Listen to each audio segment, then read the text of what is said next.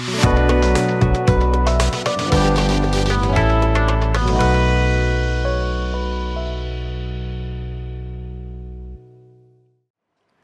္ဂလာပါရှင်မြမပြည်သူပြည်သားအပေါင်းစိတ်ချမ်းသာခြင်းကိုယ်ရေးချမ်းသာခြင်းနဲ့ပြည့်စုံကြပါစေလို့ PPTV အဖွဲ့သားတွေကဆုတောင်းမေတ္တာပို့သပါတယ်ခုတစ်ပတ်တွင်ဖြစ်ပေါ်ခဲ့တဲ့သတင်းတွေနဲ့ပတ်သက်ပြီးသတင်းချင်းချုပ်ကိုကျွန်မစင်စင်ကတင်ဆက်ပေးသွားမှာပဲဖြစ်ပါတယ်ရှင်ပ ထမဆုံးသတင်းပုတ်အနေနဲ့ပျောက်ကြားစစ်ကနေတံပြန်ထိုးစစ်ဆင်နိုင်ရေးအတွက်မဟာမိတ်တွေနဲ့အတူတကွစူးစမ်းနေရလို့ကာကွယ်ရေးဝန်ကြီးဦးရီမွန်ပြောကြားလိုက်တဲ့သတင်းပဲဖြစ်ပါတယ်ရှင်။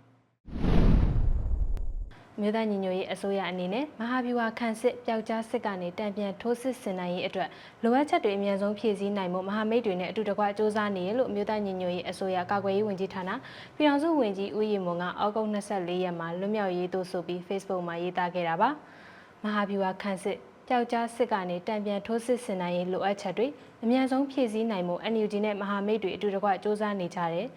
ကိုယ်နယ်မြေတွေဝင်လာတဲ့စစ်ကောင်စီစစ်ကြောင်းတွေကိုဗျူဟာမြောက်ချိန်မုံနိုင်မှုအတွက်လည်းစနစ်တကျပြင်ဆင်လှုပ်ဆောင်နေကြတယ်လို့ပြောင်စုဝင်ကြီးဦးရီမွန်ကပြောကြားခဲ့တာပါ လေ့ကျင့်မှုစုဖွဲ့မှုကိုကဲမှုကောင်းတဲ့တပ်တွေဟာမြေပြင်မှာပိုပြီးထိထိရရအလုပ်လုပ်နိုင်တာတွေ့ရတယ်ဆိုတာနဲ့ဒီအပိုင်းအညာဒေသတွေဖြစ်တဲ့ကတ်တာကော်လင်ကမ်ဘလူနဲ့တောင်ပိုင်းဖြစ်တဲ့ကရင်ပြည်နယ်မှာတော့မြဝတီကော့ကရီတို့ကတိုက်ပွဲတွေကိုကြည့်ရင်ဒီအချက်ကိုသိနိုင်တယ်လို့လည်းဆိုပါတယ်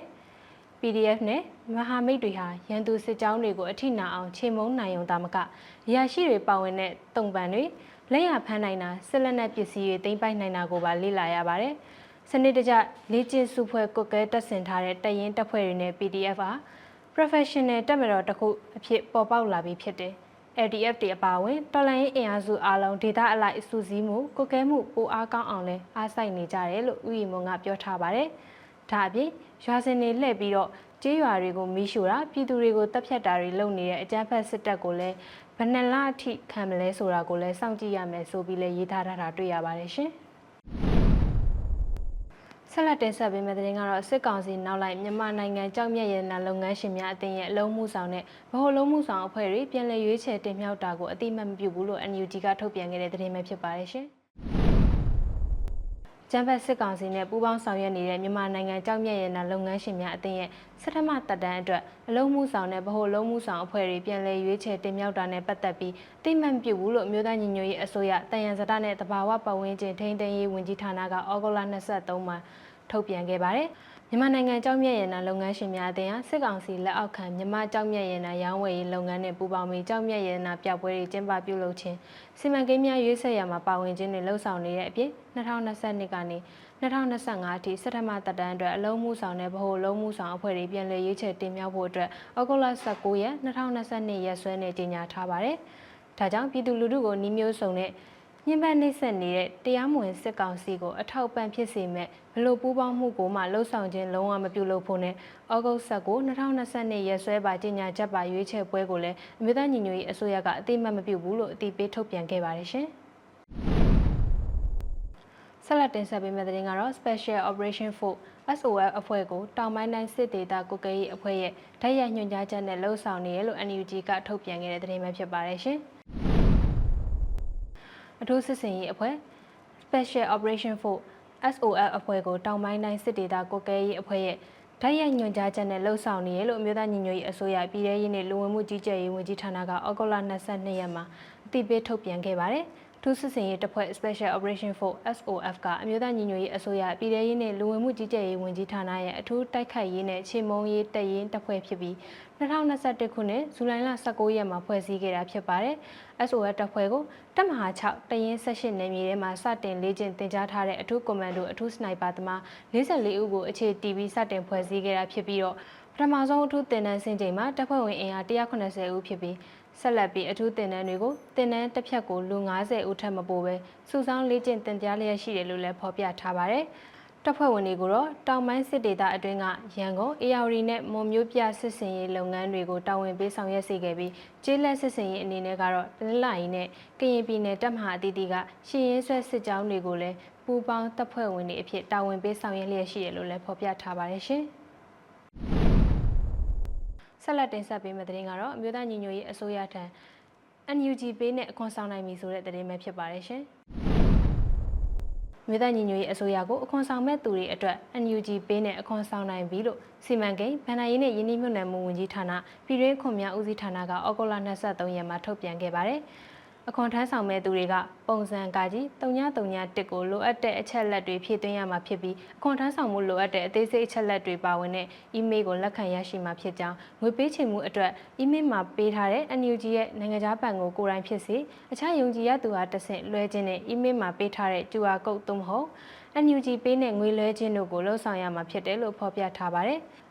ငွေလွှဲပြီးတဲ့အခါမှာ ပုံစံခ3931မှာငွေလဲပြီးတဲ့အကြောင်းအထောက်အထားပြေစာနဲ့တကွဖြည့်သွင်းရမှာဖြစ်ပြီးပုံစံခ3931ဖြည့်သွင်းပြီးတစ်လအတွင်းမှာ Unit Identification Number UID နဲ့တကွဂုဏ်ပြုမှတ်တမ်းကိုအီးမေးလ်မှာလက်ခံရရှိမှာဖြစ်တယ်လို့ဖော်ပြထားပါတယ်ရှင်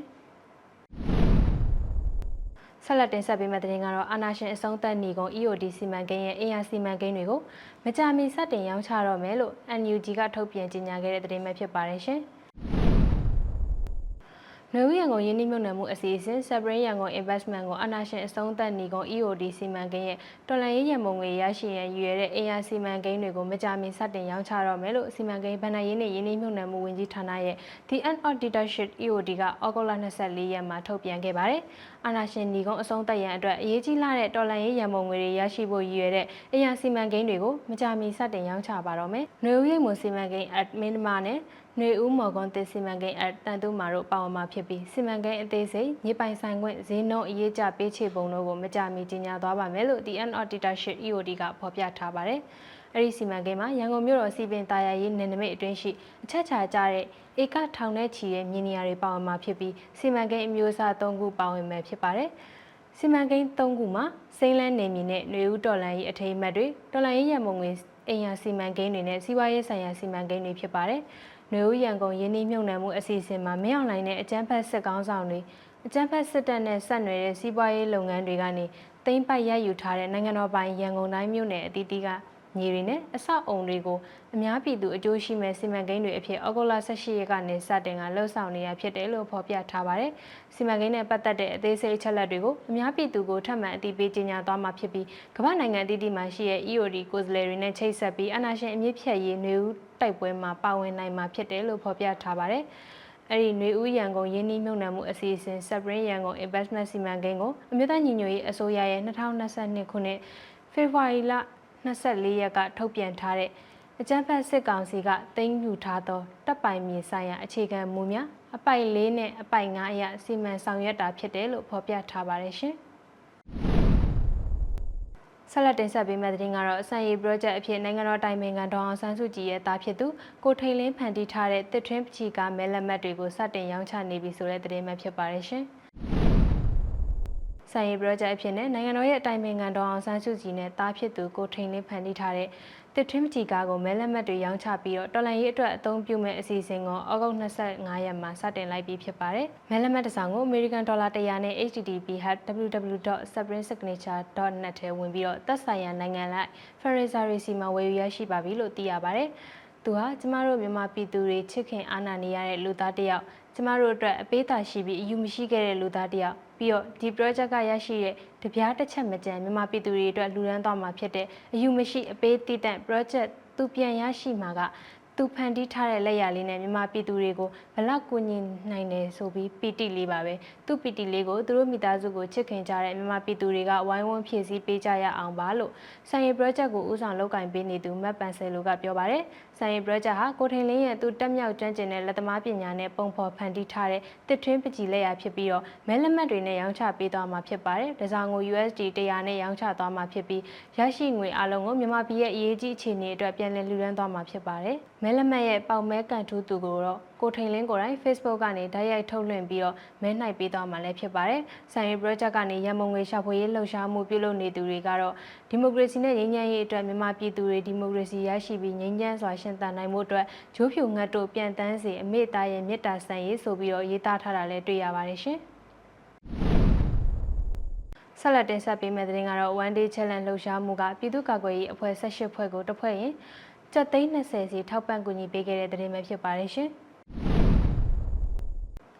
စဆီယနာသိမ်းမှုစန့်ကျင်ရေးကော်မတီကိုရီးယားက One Day Challenge လှုပ်ရှားမှုကနေပြည်သူ့ကာကွယ်ရေးအဖွဲ့18ဖွဲ့ကိုတစ်ဖွဲ့ကိုကျပ်သိန်း20စီထောက်ပံ့ကူညီမှုပြုလုပ်ပေးခဲ့တယ်လို့ဩဂုတ်22ရက်မှာသတင်းထုတ်ပြန်ခဲ့ပါတယ်။အခုထောက်ပံ့မှုကဩဂုတ်လအတွက်ထောက်ပံ့တာဖြစ်ပြီးတော့ပြည်သူ့ကာကွယ်ရေးအဖွဲ့ PDF တွေကိုအမျိုးသားညီညွတ်ရေးအစိုးရရဲ့ထောက်ပံ့ကူညီငွေအဖြစ်နဲ့ပေးပို့ခဲ့တာဖြစ်ပြီးအဖွဲ့18ဖွဲ့အတွက် ကျပ်သိန်း360ကိုထောက်ပံ့ပေးခဲ့တာပဲဖြစ်ပါတယ်။ဆီယနာသိမ်းမှုစန့်ကျင်ရေးကော်မတီကိုရီးယားက2021ခုနှစ်ဩဂုတ်ကနေ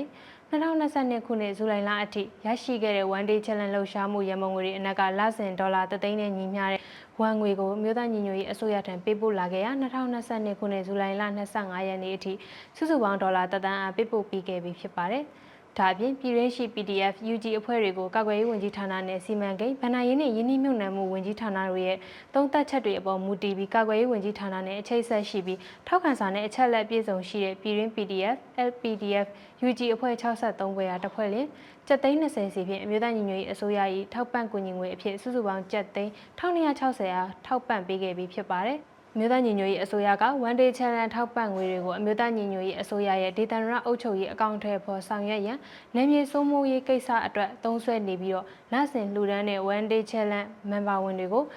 အခွန်ငွေဖြစ်သတ်မှတ်ပေးထားပြီးယာယီသမရကမှတ်တမ်းတင်ကွန်ပျူတာတွေပေးပို့ပေးနေပါတယ်။ One Day Challenge မန်ပါဝင်2034ဦးရှိပြီးလစဉ်အမျိုးသားညီညွတ်ရေးအစိုးရနဲ့ပြည်တွင်း PDF UG အဖွဲ့တွေကိုအလူငွေဒေါ်လာ3,400ကျော်ပံ့ပိုးထားနိုင်တယ်လို့ဖော်ပြထားတာတွေ့ရပါတယ်ရှင်။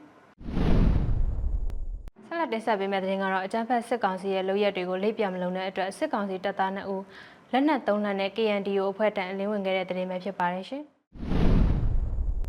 ကျန်းဖက်စစ်ကောင်စီကပြည်သူကိုတပ်ဖြတ်ရွာတွေကိုမီးရှို့နေတာတွေကိုလိပ်ပြမလုံတဲ့အတွက်စစ်ကောင်စီတပ်သား2ဦးလက်နက်3လက်နဲ့ KMDO အဖွဲ့ထံလင်းဝင်ရောက်ခဲ့ပြီး KNDO အဖွဲ့မှကြိုးစိုးဂုံပြုချီးမြှင့်ခဲ့ကြောင်းပြည်သူ့ပန်းတိုင်ကဩဂုတ်လ22ရက်မှာထုတ်ပြန်ခဲ့ပါတယ်။စီရီယန်တပ်သား2ဦးဟာကရင်ပြည်နယ်မြောက်ရီဝေါ်လီဒေသတလျှောက်ထိုးစစ်ဆင်နေတဲ့စစ်ကောင်စီတပ်မှတပ်သား2ဦးဖြစ်ပြီး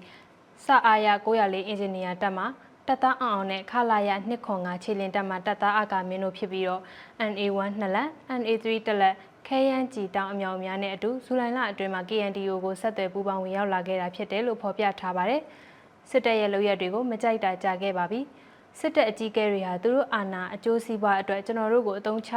ချနင်းနေတယ်ပြည်သူတွေကိုတပ်ဖြတ်တယ်ကြေးရွာတွေကိုမီးရှို့တယ်ဆိုကြတဲ့ကစစ်သားယူနီဖောင်းဝတ်ထားတဲ့မိမိကိုမိမိလိပ်ပြမလုံခဲ့ပါဘူးအချိန်ချင်းစီဒီယန်လုပ်ဖို့စ조사ခဲ့ပေမဲ့မိသားစုတွေအတွက်စိုးရိမ်ပူပန်နေရတာတွေခွင့်ရင်းမတာခဲ့တာတွေဘလို့ချိတ်ဆက်ဆောင်ရွက်ရမယ်ဆိုတာကိုမသိတာတွေကြောင့်စီဒီယန်လုပ်ဖို့နှောင့်နှေးနေခဲ့ရပါတယ်လို့စီဒီယန်တပ်သားများကပြောပါတယ်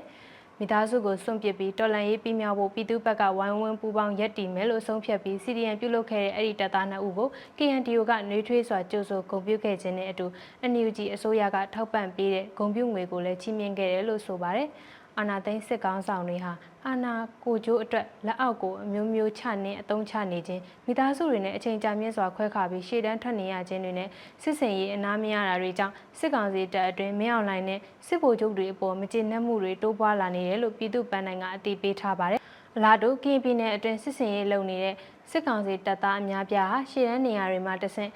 တော်လိုင်းရေးတပ်ဖွဲ့တွေစီကိုနီလန်းမျိုးစုံနဲ့ဆက်သွယ်ဝင်ရောက်ခိုးလုံမှုတွေပုံမှန်များပြလာတယ်လို့ဆိုပါတယ်ရှင်။ ဆက်လက်တင်ဆက်ပေးမယ့်သတင်းကတော့ဂျာကာလာဒေသရဏပြည်သူ့အုပ်ချုပ်ရေးဖော်ဆောင်မှုဗဟိုကော်မတီအစည်းအဝေးမှာအခွန်ကောက်ခံမှုအပိုင်းမှာပြည်သူတွေဝင်မပြည့်စေရေးဆောင်ရွက်ရမယ်လို့ပြည်အောင်စုဝန်ကြီးချုပ်ပြောကြားလိုက်တဲ့သတင်းပဲဖြစ်ပါတယ်ရှင်။မြို့သားညီညွတ်ရေးအစိုးရဂျာကာလာဒေသရဏပြည်သူ့အုပ်ချုပ်ရေးဖော်ဆောင်မှုဗဟိုကော်မတီအစည်းအဝေးအမှတ်စဉ်26မြင်းဆောင်2022ကိုဩဂုတ်လ26ရက်နေ့နက် 10နာရီမှာပြုလုပ်ခဲ့ကြပါတယ်။အစည်းအဝေးမှာဂျာကာလာဒေသနာပြည်သူ့အုပ်ချုပ်ရေးဖော်ဆောင်မှုဗဟိုကော်မတီဥက္ကဋ္ဌပြည်အောင်စုဝန်ကြီးချုပ်မန်းဝန်းခိုင်တန်းကလာမယ့်တစ်နှစ်တာကာလကမိမိတို့အနေနဲ့အကုံထည့်ပြီးရုန်းကန်ကြရမှာဖြစ်တယ်ဆိုတာနဲ့အလားတူမဟာမိတ်အဖွဲ့အစည်းတွေနဲ့လည်းခန္ဓာအလိုက်ဆွေးနွေးပူးပေါင်းဆောင်ရွက်မှုတွေကိုလည်းတိုးမြင့်လှုံ့ဆော်ကြဖို့လိုအပ်တယ်လို့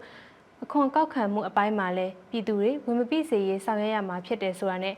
အစည်းအဝေးမှာဂျာကာလာဒေသနရပြည်သူ့အုပ်ချုပ်ရေးဖော်ဆောင်မှုဗဟိုကော်မတီဥက္ကဋ္ဌပြည်အောင်စုဝင်ကြီးချုပ်မန်းဝန်းခိုင်တန်းကလာမယ့်တစ်နှစ်တာကာလကမိမိတို့အနေနဲ့အကုံထည့်ပြီးတော့ရုန်းကန်ကြရမှာဖြစ်တယ်ဆိုတာနဲ့အလားတူမဟာမိတ်အဖွဲ့အစည်းတွေနဲ့လည်းကဏ္ဍအလိုက်ဆွေးနွေးပူးပေါင်းဆောင်ရွက်နိုင်မှုတွေကိုလည်းတိုးမြင့်လှုံ့ဆော်ကြဖို့လိုအပ်တယ်။အခွန်ကောက်ခံမှုအပိုင်းမှာလည်းပြည်သူတွေဝင်မပြည့်စေရေးဆောင်ရွက်ရမှာဖြစ်တယ်ဆိုတာနဲ့တရားစီရင်ရေးကဏ္ဍရဲ့အခက်အခဲတွေကို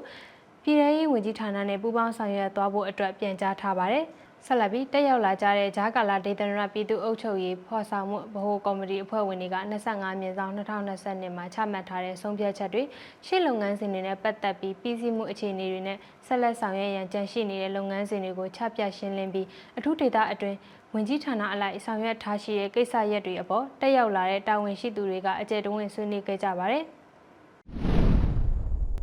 ခုနောက်ဆုံးတင်ဆက်ပေးမှာကတော့မမများနဲ့ပွဲကမဲ့အစီအစဉ်ကိုကာကွယ်ရေးဝန်ကြီးဌာနကမှတ်တမ်းတင်ဂုဏ်ပြုလာပေးရတယ်ဆိုတဲ့သတင်းမှဖြစ်ပါတယ်ရှင်။မမများနဲ့ပွဲကမဲ့အစီအစဉ်ကနေစကိုင်းတိုင်းအတွင်းကပြည်သူ့ကာကွယ်ရေးတပ်ဖွဲ့တွေအတွက်ထောက်ပံ့ကူညီမှုတွေပေးခဲ့လို့အမျိုးသားညီညွတ်ရေးအစိုးရကာကွယ်ရေးဝန်ကြီးဌာနပြည်အောင်စုဝန်ကြီးဦးရီမွန်ကမှတ်တမ်းတင်ဂုဏ်ပြုလာထုတ်ပြန်ပေးအပ်ခဲ့ပါတယ်။မှတ်တမ်းတင်ဂုဏ်ပြုလာတဲ့မှာပြည်အောင်စုသမ္မတမြန်မာနိုင်ငံတော် Federal Democracy စနစ်ဖြစ်ထွန်းပေါ်ပေါက်လာရေးရည်ရွယ်က စကိုင်းတိုင်းအတွင်းရှိပြည်သူ့ကာကွယ်ရေးတပ်ဖွဲ့တရင်များအတွက်ပြည်သူ့တော်လှန်ရေးရန်ပုံငွေကျပ်သိန်းပေါင်း28,500တိတိရရှိရန်အဖက်ဖက်မှဝိုင်းဝန်းကူညီထောက်ပံ့ပေးပါတော့မမများနဲ့ပွဲကမယ်စီမံကိန်းအဖွဲ့သားများကိုအထူးကျေးဇူးတင်ရှိပါကြောင်းမှတ်တမ်းတင်ဂုဏ်ပြုအပ်ပါသည်လို့ဖော်ပြထားပါတယ်မမများနဲ့ပွဲကမယ် project ကနေအလှငွေကျပ်သိန်း28,900ရရှိခဲ့တာဖြစ်ပြီးတော့ကျပ်သိန်း28,500ကိုကာကွယ်ရေးဝန်ကြီးဌာနငါနာအတွက်ပို့ဆောင်ခဲ့တာဖြစ်ပြီး ကျန်တဲ့ကြက်သိန်း200ကိုစကိုင်းတိုင်းအတွင်းကစစ်ဆောင်ပြည်သူတွေအတွက်အမေရက်တောင်အစီအစဉ်ကနေတဆင့်အမျိုးသားညီညွတ်ရေးအစိုးရလူသားချင်းစာနာထောက်ထားရေးနဲ့ဘေးအန္တရာယ်ဆိုင်ရာစီမံခန့်ခွဲရေးဝန်ကြီးဌာနပြည်အောင်စုဝန်ကြီးဒေါက်တာဝင်းမြတ်အေးစီပို့ဆောင်ပေးခဲ့တာပါပြည်သူငွေတစ်ချက်တစ်ပြားတိုင်းသည်တန်မိုးရှိလာတာမို့တော်လန်ရေးအတွက်အဖိတ်စင်မရှိအကုန်ပို့ဆောင်နိုင်ရေးသည်အဓိကရည်မှန်းချက်ပါအခုအဲ့ရည်မှန်းချက်အောင်မြင်ပါတယ်လို့ မမတို့လှုပ်ဆောင်နိုင်ခဲ့တယ်အမှန်တရားကိုပြန်ရတဲ့အထိဆက်ပြီးလဲစူးစမ်းအထောက်နေမှာပါအဆုံးထိရှောက်မှာပါလို့မမမြန်တဲ့ပွဲကမယ် project ကရေးသားခဲ့ပါတယ်မမမြန်တဲ့ပွဲကမယ် project ရဲ့တတိယအစီအစဉ်ကိုလည်းမကြခင်စတင်တော့မှာဖြစ်တယ်လို့လည်းအတည်ပြုထားတာတွေ့ရပါတယ်ရှင်